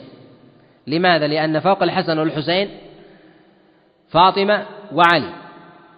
ولا يذكرون علي بن أبي طالب عليه رضوان الله تعالى يتوقفون عمن عمن دونه يرون أن شرف الحسن والحسين هو أفضل من ذات علي بن أبي طالب ومعلوم أن علي بن أبي طالب عليه رضوان الله تعالى هو أفضل من الحسن والحسين لماذا؟ لأمور عديدة منها لاتفاق العلماء أنه من العشر المبشرين بالجنة وخليفة راشد أمر النبي عليه الصلاة والسلام بالأخذ بهديه وأن أفضل أصحاب رسول الله صلى الله عليه وسلم هم الخلفاء الراشدون الأربعة ثم يأتي بعدهم من يأتي على خلاف في بعضه قبول عند السلف في تقديم بعضهم على بعض في عثمان وعلي بن أبي طالب عليه رضوان الله تعالى مع اتفاقهم على التفاضل على فضل هؤلاء وأنه لا يقدم أحد على أبي بكر ولا على عمر عليه رضوان الله تعالى من أصحاب رسول الله صلى الله عليه وسلم. ثم استقر الأمر عند أهل السنة على أن فضلهم بحسب هذا بحسب ترتيبهم في أمر في أمر الخلافة. فلو كان الأولاد من صلب النبي عليه الصلاة والسلام وبقي النسب إلى رسول الله صلى الله عليه وسلم مباشرة لكان الفتنة عظيمة في الإسلام. ولانصدع الأمر وثلم الدين. أعظم من ثلمته في زمانه. ونحن نرى الخرافات والتعلق وتأليه بعض الأئمة من آل البيت وجعلهم أوصياء بل تعلق بأوهام ما أنزل الله جل وعلا بها من سلطان. وهذا لعله من الحكم في هذا في هذا الباب. وفي قوله عليه الصلاة والسلام المنع منع وهات يعني منع حق الناس. أن يمنع الإنسان حق الناس الواجبة عليه فيجب عليه أن يدفع الحقوق لأهلها. وأنه إن منع حقا وهو قادر إلى على إعادته أنه كمن اقتطع حق امرئ مسلم. وتقدم الكلام الكلام عليه. كما جاء النبي عليه الصلاة والسلام من اقتطع حق امرئ مسلم أو من اقتطع شبرا من حق امرئ مسلم طوقه من سبع أراضين. فكيف بالمنع؟ أي أنه حق له منعه إياه فيكون سبق ذلك الأخذ أو أنه حازه من غير من غير علمه أو كان أجيرا عنده فاستحقه فوجب أن يدفع إليه. كذلك وهات أن يؤخذ أن تؤخذ أموال الناس بالمغالبة وبالقوة والقهر والقسر. فهذا من الظلم والبغي والعدوان. وهذا من أعظم ما يوبق الناس ويهلكهم. ولهذا قال رسول الله صلى الله عليه وسلم مبينا حال أمور الأموال والحقوق بين الناس أنه يجب على الإنسان أن يستبرئ ويتبرأ منها بإعادتها إلى أصحابها. كما جاء في الصحيح من كانت عنده مظلمة لأخيه فليتحلل منها من قبل أن يأتي يوم لا دينار فيه ولا متاع. وكذلك في قوله عليه الصلاة والسلام كما في الصحيح ما تعدون المفلس فيكم؟ قالوا المفلس فينا من لا دينار له ولا متاع. فقال رسول الله صلى الله عليه وسلم المفلس من يأتي يوم القيامة بأعمال كالجبال. فيأتي وقد ضرب هذا ولطم هذا وأخذ مال هذا وسفك دم هذا فيأخذ هذا من حسناته وهذا من حسناته فإن لم يكن لديه حسنات أخذ من سيئات فطرحت عليه ثم ثم طرح في النار. ما يدل على أن حقوق الآدميين مبنية على المشاحة وحق الله جل وعلا مبني على المسامحة. فينبغي للمؤمن أن يكون محترزا في هذا الأمر قدر قدر وسعه وأن يبرر ذمته فيما يتعلق في أمور في أمور الأموال وأمور الدماء والأعراض. ما يتعلق في حقوق في حقوق الناس. ثم كره رسول الله صلى الله عليه وسلم لهذه الأمة ولأصحابه على سبيل الخصوص القيل والقال لأن إكثار الكلام مجلبة للخطأ. من كثر كلامه كثر خطأه. وهذا أمر معلوم ومضطرد. فإن في كلام الناس نسبة من الخطأ. كلما زاد الكلام زادت نسبة الخطأ والزلل. ولهذا نهى رسول الله صلى الله عليه وسلم عن فضول القول. فكره رسول الله صلى الله عليه وسلم أن يتكلم الإنسان بأمر مباح من غير حاجة خشية أن يجره ذلك إلى أمر محرم. لهذا قال عليه الصلاة والسلام من كان يؤمن بالله واليوم الآخر فليقل خيرا أو ليصمت. وذكر الخير. أين الكلام المباح؟ من حاجة الناس ونحو ذلك أي أنه ينبغي للإنسان أن يمسك عن أمور عن الأمور المباحة إلا لحاجة وإلا فالأصل فكلامه يكون في في أمر في أمر الخير وإلا فليغلب عليه على حاله على حاله السكوت وإلا فليغلب في حال الإنسان الإمساك والإنصات وعدم إطلاق اللسان. وفي قوله عليه الصلاة والسلام قيل وقال إشارة إلى مسألة مهمة وهي أن قيل وقال فيه حكايات أن فلانا قال نقل أقوال الناس وحكاياتهم ونحو ذلك. قال فلان وقيل عن فلان ونحو ذلك. مما لا يشهده الإنسان ولا يعلم به وهذا من الباطل. فرسول الله صلى الله عليه وسلم حينما أمر الإنسان بألا يقول إلا خيرا في ذاته فمن باب أولى ألا يشغل نفسه بقول فلان وقول وقول فلان فإن هذا مجلبة للوهم والغلط ومجلبة لحكايات السوء ومجلبة أيضا للتندر وتغطية الناس والوقيعة في أعراضهم والتهكم فيهم وإذا كانوا من أهل العلم والديانة والصلاح فإن الخطر في ذلك الخطر في ذلك أعظم. ولهذا خصص رسول الله صلى الله عليه وسلم أمور الحكاية بقيل وقال أي أن الإنسان يحكي أقوالا لا, لا فائدة لا فائدة منها وربما يكون هذا المعنى متضمن لمسألة لمسألة الغيبة.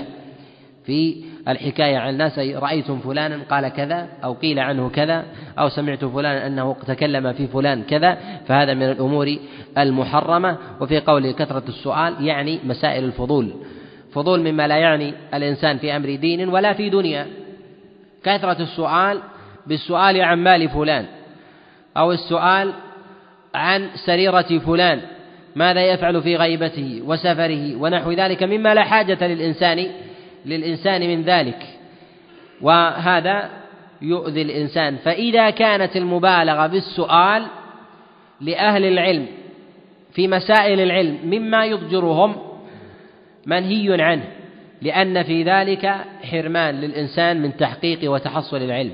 لهذا كان يقول أبو سلمة عليه رحمة الله كنا نماري عبد الله بن عباس وحرمنا علما كثيرا. والمراد بالمماراة أي أن الإنسان يسأل العالم ثم يناقشه ويأتيه بمسألة ثم يناظره فيها ونحو ذلك وكأنه ند لهذا لهذا العالم.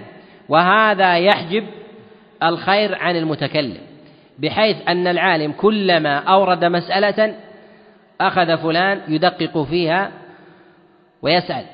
فالعالم إذا وردت لديه مسألة أو فائدة لا يخرجها لمثل هذا لماذا؟ لأنه كلما يرد مسألة أخذ يماري فيها. فيحرم حينئذ العلم الكثير. ولهذا ندم أبو سلمة على مرائه لعبد الله بن عباس لما فاته من الخير الكثير لأنه يماري. لهذا ينبغي لطالب العلم ما أشكل عليه من الكلام قدر وسعه لا يسأل إلا عن الأمور الدقيقة. وأما الأمور الظاهرة التي ممكن أن تحل أن يحلها قدر وسعه بنفسه وإلا يرجئ السؤال في مواضع يجد من ذلك من ذلك فسحة. وعليه أن يأخذ ويتلقى وأن يمحص بنفسه وإن وجد إشكالا بعد التمحيص أن يسأل أهل العلم. وهذا في كثرة السؤال ممن لا يعنيه أمر. السؤال أما من يعنيه أمر السؤال من السؤال عن أحوال الناس وأخبارهم. كحال القاضي الذي يفصل بين الناس بالسؤال عن الشهود والسؤال عن الخصوم ونحو ذلك مما يسأل معه الإنسان في يومه وليلته مرات عديدة مما لا يسأل عنه أهل البلدة في يومه. وهذا وهذا سائغ لأن فيه صيانة للأعراض وصيانة للأموال وكذلك صيانة للدماء. وقوله عليه الصلاة والسلام وإضاعة المال المراد بذلك السرف. وأعظمه إذا وضع الإنسان في الصد عن سبيل الله. فإذا أنفق أمواله ليصد الناس عن سبيل الله فإنه ينفقه حتى تكون وقوده في النار والعياذ بالله. ولهذا ينبغي الإنسان أن يقدم لنفسه في أموره في أمور الأموال. وهنا النهي من رسول الله صلى الله عليه وسلم يعني في عن إضاعة المال نهي مخصوص لمن؟ لمن كان من أهل المال ليس من أهل الفقر.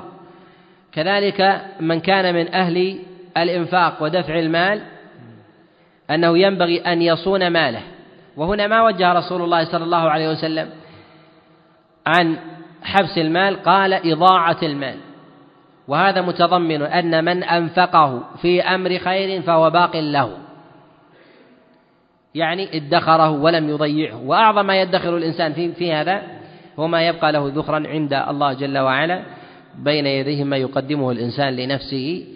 يوم القيامة. ولهذا كان أصحاب رسول الله صلى الله عليه وسلم يعتنون في جانب في جانب الوقف وجانب حبس المال.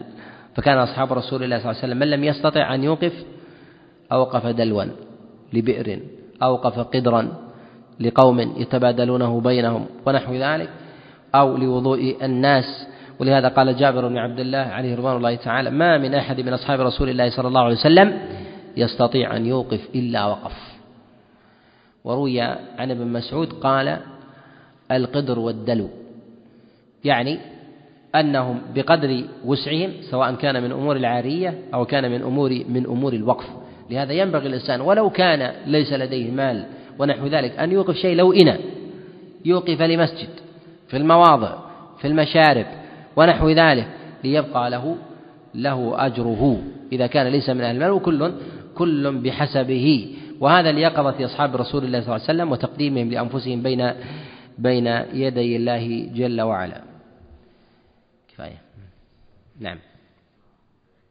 في؟ إيه؟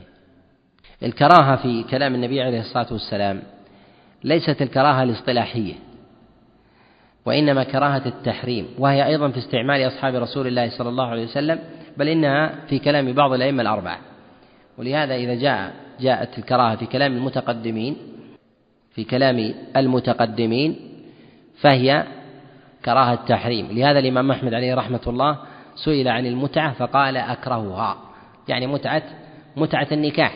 فالتنوع في هذا الحديث إن الله حرم وكره هو بيان الانتباه وإعادة السياق لذهن السامع فإذا اجتمع في حديث واحد تكرار النهي في موضعين أشد للانتباه وبيان أيضا أن هذه الألفاظ كلها داخلة في باب التحريم كلها داخلة في باب التحريم. وأما ما يدخل من أنواعها في أبواب الكراهة في قوله عليه الصلاة والسلام قيل وقال وكثرة السؤال وإضاعة المال.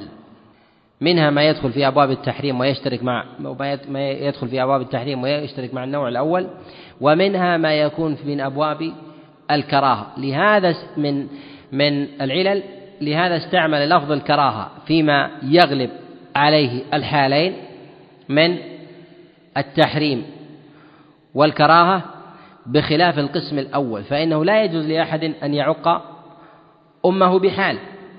فيقال أن ثمة حال تخرج عن الأصل أصل التحريم. وفي الثاني أيضا أنه يسوغ للإنسان أن يئد البنات في أي موضع كان. فإن هذا من المحرمات. المنع والهات أي أن الإنسان يأخذ ويعطي المقصود به المحرم. وهذا هو الأغلب لهذا خصه بالتحريم. وأما لفظ الكراهة لاشتراك هذين المعنيين أو لهذه لهذه المنهيات الثلاثة وهي كثرة السؤال وقيل وقال وإضاعة المال منها ما يضيع المال بالأمور المباحة ومنهم من يضيعه بالأمور المحرمة فجاء النهي في هذا على وجه العموم الاشتراك في ذات المنهي عنه. نعم. نعم. قال لي أحد الأطباء أنه عمل عملية لشخص بقلب صناعي وبقي حيا 240 يوم يمشي في الأسواق ويفعل ما يشاء نعم ويأكل الطعام. فهذا بلا قلب. فهل يقال أنه ذهب صلاحه ونحو ذلك؟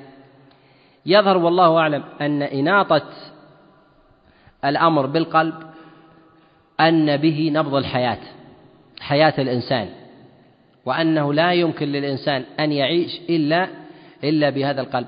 فإذا ضعف قلبه ضعف جسده. ولهذا نجد أن الدم الذي في جسد الإنسان ويدور فيه أصله وارد من القلب فبه تدب الحياة وفي الأطراف وإذا لم يصل الدم إلى شيء من أطراف الجسد أصبح كالأشل. فإذا صلح القلب صلحت أعضاء الجسد. ولعل النبي عليه الصلاة والسلام أراد بذلك أراد أن يشبه فهم الإنسان وإدراكه بصلاح وسلامة قلبه لسلامة أطرافه. وهذا محتمل. ويحتمل أيضا أن للقلب تأثير بإيصال الحياة إلى العقل. فلما كان من الأسباب علق الأمر بالسبب وهذا جائز أن يلحق الشيء بسببه ويسمى أنه هو الذي فاعل لهذا قال رسول الله صلى الله عليه وسلم كما في الصحيح لعن الله من سب أباه. قالوا يا رسول الله يسب الرجل أباه؟ قال نعم يسب الرجل أبا الرجل فيسب الرجل أباه. فلما تسبب الرجل بسب أبي جعله الشارع بمقام من باشر سب الأب. وهذا جائز في لغة العرب واستعمال الشارع. فلما كان كذلك لعله من هذا الوجه. ومن عجب أيضا أن الإنسان يعارض نصوص الشريعة وهو إلى الآن لا يعلم أين إدراكه من أين يدرك؟ هو من من القلب ولا من الرأس؟ تفكيره من أي موضع يفكر فيه؟ لا يستطيع أن يدرك. ومن أي موضع يعقل؟ الأمر في محل نزاع. وينبغي الإنسان في مقام الشريعة أن يحدد موضع تفكيره أولا وعقله ثم بعد ذلك يأتي إلى تحليل أمور الشارع ونصوص ونصوص الشرع. وينبغي أن يذعن ويسلم لنصوص الوحي كتابا وسنة. وما عدا ذلك فالأمر في ذلك سعة سواء فكر وحلل بعقله أو بقلبه أو برجله. نعم. إذا صلحت الأمر نسبي. إذا إذا إذا تم الصلاح تم صلاح صلاح الظاهر. فإذا نقص صلاح الباطن نقص صلاح الظاهر. وهذا في الأمور المضطردة ليست العارضة. يعني الإنسان قد يقع في محرم عارض. هذا لا يتعلق بمسألة إصلاح الباطن التام لأن هذا ينافي البشرية والشريعة لا تأمر إلا بما يطاق. نعم. يقول هنا من هم الرحم الذين تجب صلتهم؟ الرحم الذين تجب صلتهم هم الوالدين وإن علوا والإخوة والأخوال وإن علوا والأعمام وإن علوا. وأما ما جاوز ذلك فإنه من يتأكد في حق الإنسان. كلما قرب من الإنسان تأكد في حق الإنسان صلة الرحم. وكلما كان من الأبعدين قل الاستحباب. أعمى من الأب ومن الأم. نعم. الأبناء إذا؟ يقول هنا الأبناء وإن نزلوا. هل يجب على الأب أن يصلهم؟ صلة الأرحام هي على الأطراف كلهم الآباء للأبناء والأبناء للآباء. وإنما يتعلق الأمر بالأبناء أكثر من الآباء للتعلق الفطري. ولهذا النصوص الشرعية تعلق الأمر ببر الابن لأبيه ولا تشير إلى مسألة الإحسان إحسان الإبن الأب لابنه كمثل النصوص التي أشارت إلى العكس. باعتبار أن الأب مفطور بالإحسان إلى ابنه والشفقة عليه والرفق به والإحسان إليه لوجود هذا الأمر الطبعي في نفس الإنسان. ولكن لو أصبح الابن مضطرا عن البعد عن أبيه وجب على الأب أن يصل ابنه. كان يكون الابن مثلا مريضا مقعدا في بيته يجب على الأب أن يصل ابنه. أو يكون الابن مثلا فقيرا معدما منشغلا في عمله ليل نهار لكسب الرزق والأب متفرغ. يجب على الأب أن يصل أن يصل الابن وتقدر الأمور بقدرها إلا أن الأصل أن الحق للأب. الأصل أن الحق للأب والأم بالصلة. يقول الرجل إذا ذهب الرجل لعمل معصية ولم يمنعه منها إلا الخوف فهل يأثم؟ لا يأثم لكنه لا يستحق الأجر. نعم. هي نسبية تكون قد تكون عند بعض العلماء المسائل التي يختلف فيها العلماء هل هي من الأمور المشتبهة هذا بحسب المسألة المختلف فيها ليس كل خلاف معتبر. قد تكون عند بعض العلماء من الأمور المشتبهة لكن عند بعض العلماء لقوة نظره وإدراكه وجمع النصوص من الأمور القطعية لا يقبل فيها خلاف. وعند بعض العلماء هي من الأمور المشتبهة التي يحتمل فيها القول. وفي الغالب أن مواضع الخلاف عند العلماء هي من الأمور المشتبهة. نعم؟ نعم يحتاط فيها. لا شك أنها تدخل في أمور المتشابهات التي ينبغي الاحتياط الاحتياط فيها. يقول هل يصح الوعظ ببعض المقولات التي لا يعرف لها سندا مثل القبر ينادي خمس مرات ويقول أنا بيت الوحدة ونحو ذلك؟ لا بأس بذلك. ويبين أنها من قوله ليست من قول من قول النبي عليه الصلاة والسلام وليست من المأثور. يقول رجل كان يتاجر بالربا فما حكم المال الذي الذي عنده والذي جار في الربا؟ إذا تاب من الربا فله ما سلف يعني ما بين يديه. وما عند الناس من الأمور الربوية يأخذ رأس المال. وعفى الله جل وعلا عما سلف على الصحيح من أقوال من أقوال العلماء. وصلى الله وسلم وبارك على نبينا محمد. بسم الله الرحمن الرحيم. والحمد لله رب العالمين والصلاة والسلام على المبعوث رحمة للعالمين وعلى آله وصحبه ومن تبعهم بإحسان إلى يوم الدين. قال المؤلف رحمه الله تعالى وعن ابن عمر رضي الله عنهما قال قال رسول الله صلى الله عليه وسلم بني الإسلام على خمس شهادة أن لا إله إلا الله وأن محمدا عبده ورسوله وإقام الصلاة وإيتاء الزكاة وحج البيت وصوم رمضان. الحمد لله رب العالمين وصلى الله وسلم وبارك على نبينا محمد وعلى آله وأصحابه ومن تبعهم بإحسان إلى يوم الدين. قوله عليه الصلاة والسلام بني الإسلام على خمس. من عادة رسول الله صلى الله عليه وسلم في التعليم أن يبين مسائل الإسلام بالتمثيل بشيء محسوس كما بين هنا أركان الإسلام بالبناء المشيد. ومن هذا الحديث اشتق العلماء أركان الإسلام بهذه التسمية فسميت أركان الإسلام بأركان الإسلام الخمسة. وهذا تقدم الإشارة إليه أنه نهج لرسول الله صلى الله عليه وسلم في كثير من الأحوال تقريبا للفهوم والمعاني حتى تصل إلى أصحاب إلى أصحاب الأفهام مع تباينهم. ورسول الله صلى الله عليه وسلم في غالب حاله أنه يتنزل مع متوسط الأفهام للإفهام. وإلا فالحذاق فإنهم لا يحتاجون إلى مثل هذا في الأغلب. وذلك أن شريعة الله جل وعلا من جهة الأصل أريد بها أن تكون عامة الخطاب للناس الرفيع والوضيع. أخي المستمع الكريم تابع ما تبقى من مادة هذا الشريط على الشريط التالي.